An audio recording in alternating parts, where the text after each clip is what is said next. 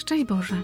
Witamy Was dzisiaj 10 kwietnia, w Wielki Piątek tegorocznego Wielkiego Postu. Dzień szczególny, dzień bardzo wyjątkowy, dlatego że y, zaprasza nas do wejścia w ogromną tajemnicę miłości Chrystusa, kiedy oczekujemy na Chrystusa i na Jego zmartwychwstanie, ale też doświadczamy bezradności wobec tego, co się wydarzyło na krzyżu i może nawet niezrozumienia, i może nawet buntu w sercu, tak jak apostołowie i może lęku i strachu i ucieczki.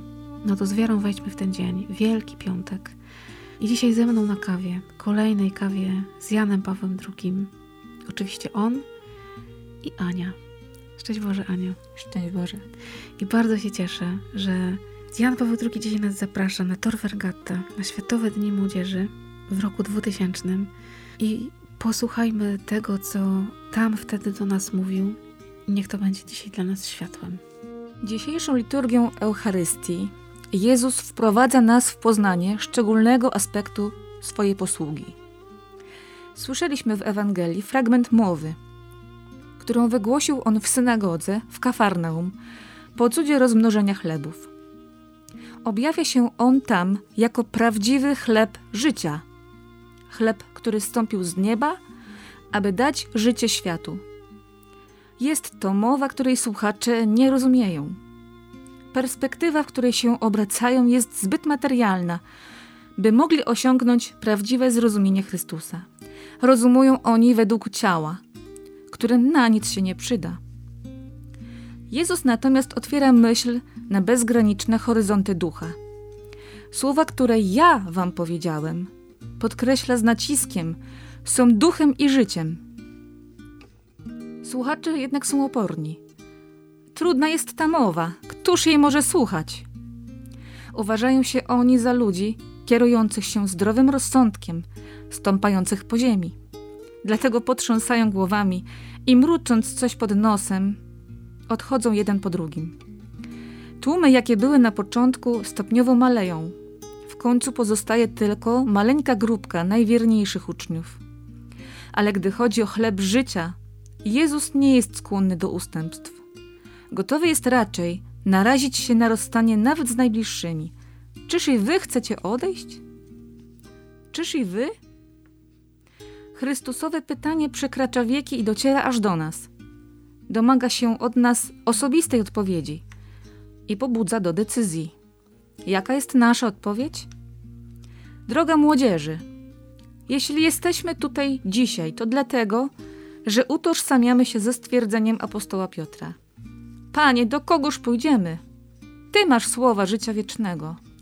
Wokół was rozbrzmiewa wiele słów, ale tylko Chrystus ma słowa, które nie ulegają wytarciu z biegiem czasu, ale pozostają na wieki.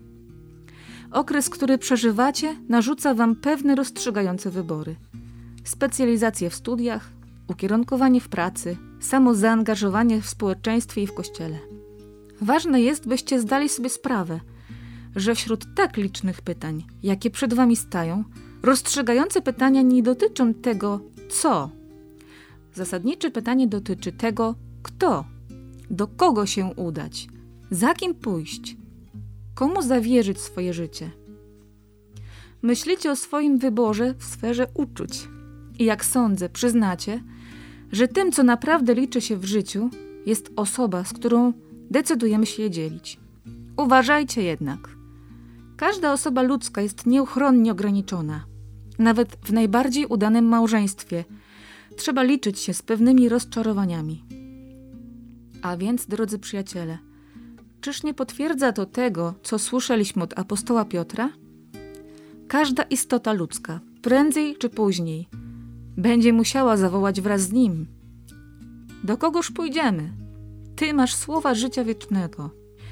Tylko Jezus z Nazaretu, Syn Boży i Syn Maryi, przedwieczne Słowo Ojca, zrodzone przed dwoma tysiącami lat w Betlejem Judzkim, jest w stanie zaspokoić najgłębsze pragnienia ludzkiego serca. Tor Vergata, piękny czas. Ja tam byłam. E, ty przed telewizorem chociaż tyle miałaś możliwości, świadomości. Może czasem widziałaś więcej niż my tam na Tor Vergata. Siedzieliśmy bardzo daleko i próbowaliśmy łapać te słowa Jana Pawła II, tyle ile się dało. Pamiętasz to, rozumiem? Tak, aczkolwiek z samego Torwergata nie pamiętam wszystkich tych słów. Ja je pamiętam, jak później wróciliśmy do domu, już wydrukowane, mieliśmy taką książeczkę i tam po powrocie do Polski czytałam i wspólnie w Martyni czytaliśmy i te słowa wracały nieraz, te właśnie, że tylko Chrystus ma słowa, które nie ulegają zatarciu i budzą się jakieś wspomnienia, ale faktycznie wtedy niewiele się pamiętało, bo bardziej chyba tą atmosferę i tą radość bycia razem, nieuchwytną zupełnie. Z tym słowem się trzeba dzisiaj zmierzyć. Z konkretnymi wspomnieniami. Twoje przed telewizorem, moje na polu. Pamiętam tą pieśń wtedy z Emanuel. jubileuszu. Och, tak. O, Kiedy czytałam te słowa wcześniej, to mnie uderzyła jedna główna myśl. Prawdziwy chleb życia, chleb, który stąpił z nieba, aby dać życie światu. I ja tu chciałam powiedzieć o modlitwie Ojcze Nasz. Bo tam jest taki moment chleba naszego powszedniego, daj nam dzisiaj.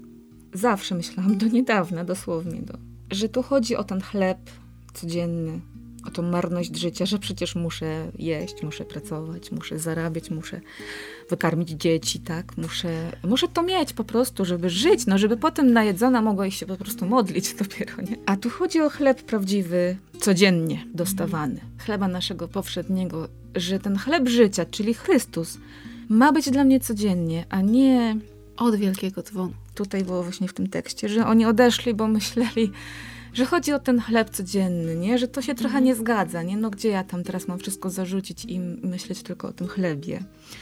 Otóż to nie o to chodzi, nie? Bo to chodzi o to, że jak ja wybiorę to, co najważniejsze, wszystko się poukłada wtedy na swoje miejsce i Bóg mi odda stokrotnie, tu na ziemi. To może nie tego, co ja poświęciłam, ale da mi w czymś innym, nie? Ja się tego szczęścia gdzieś w ogóle nie spodziewam. Nie? Kłopot czasem jest taki, że to my wymyślamy scenariusze i dlatego wielu ludzi odeszło od Chrystusa i odchodzi nadal, bo mamy swój własny pomysł, własną koncepcję, a Pan Bóg nam oddaje po stokroć, ale czasami zupełnie inaczej niż ja chcę. Nie wpadamy na te pomysły. Nie, w ogóle jakby nie daję Panu Bogu wolności. Dokładnie. I teraz ym, żaden człowiek nie jest w stanie zaspokoić tego głodu. Papież wspomniał o tej drugiej osobie, nie? że ona nie ma zaspokajać moich potrzeb. A jak się wchodzi w związek, to najczęściej pierwszą potrzebą jest to, że ja czegoś potrzebuję i ta osoba ma mi to dać. Nie? Potrzebuję nawet tego, żeby czuć się lepiej przy niej. Tak, uwagi, troski, Tak, tak. bezpieczeństwa. Często no. jest to mylone po prostu, tak. nie? Z zakochaniem, kiedy ja po prostu czuję się fajnie w jej towarzystwie, no ale to wiecznie nie trwa. Rzeczywiście głód zostaje, nie? Gdzieś tam w środku, taki niezaspokojony. I no obracam się teraz naprawdę w różnym towarzystwie. Bardzo różnym, bo gdzieś tam wirtualnie jest cały przekrój społeczeństwa i czasami dochodzą takie historie, że trudno je zauważyć u siebie w rodzinie czy w domu, bo jakby wydaje się, że jest w porządku, ale ludzie naprawdę żyją w wielkich więzieniach, w wielkiej pustce i z pozoru wszystko jest dobrze i nie widać tego. Jest okej. Czasem taki jest kłopot pokazać komuś, nie wiem, powiedzieć, naświetlić to, co powiedział Jan Paweł II. Jak my się tak uwiesimy na drugim człowieku, nawet najwspanialszym, to zawsze gdzieś będzie ten głód, o którym mówisz. Ale dotrzeć do tego, że tylko Pan Bóg może ten głód mój zaspokoić i wtedy ta relacja z drugim człowiekiem nabierze sensu i głębi, chociaż będziemy się różnić i czasami ten drugi człowiek najbliższy też mnie zawiedzie, ale nie zniszczy mi całego życia. Dokładnie.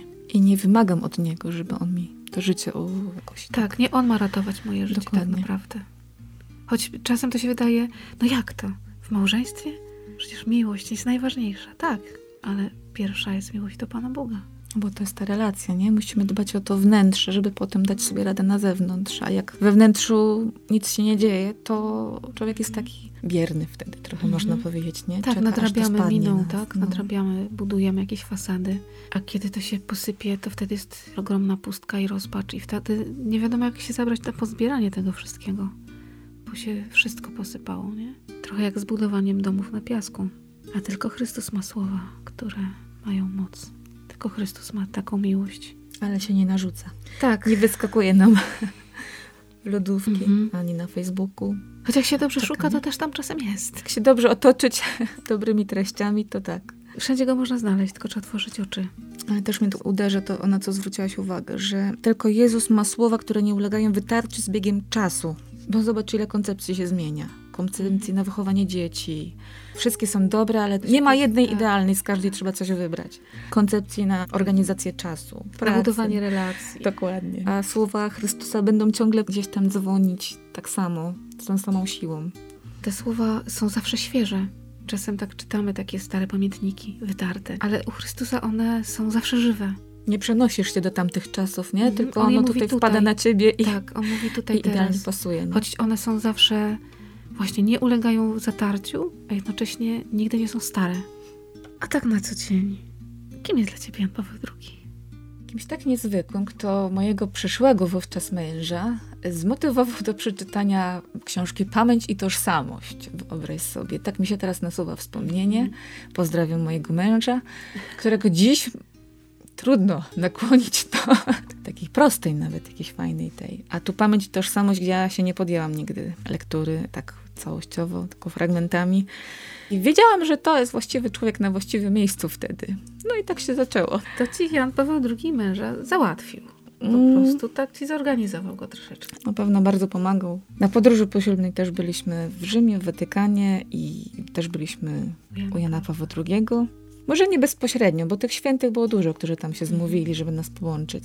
Ale na pewno Jan Paweł II pomagał. I jechałam też na jego beatyfikację, będąc w ciąży właśnie z tym ośmiolatkiem, co tak kawę parzy właśnie. To z tej mojej pierwszej kawy to się tak łączy właśnie, że było mi dane być na tej beatyfikacji i wtedy wiedziałam, że to jest za to, że nie byłam na Towre Regata i nie byłam też na pogrzebie i że to wszystko wraca i że w końcu mogę być. Chociaż w ten sposób ludzi przywieźć tutaj na tą beatyfikację. Więc na pewno no, gdzieś to się co jakiś czas przywija. Na co dzień trudno może mi jakoś powiedzieć. Nie jestem na co dzień może tak blisko z Janem Pawłem II, ale on się pojawia w moich tutaj różnych epizodach w życiu. Życzymy Wam dzisiaj dobrego, pięknego dnia, żeby nie dać się przestraszyć Wielkim Piątkiem, krzyżem, który dzisiaj jest bardzo ważny i powinniśmy go dzisiaj postawić w centrum nie po to, żeby wejść w rozpacz, tylko żeby zapragnąć prawdziwego życia, tego chleba, którym jest Chrystus i żeby powiedzieć ostatecznie Panu Bogu, do kogoż pójdziemy.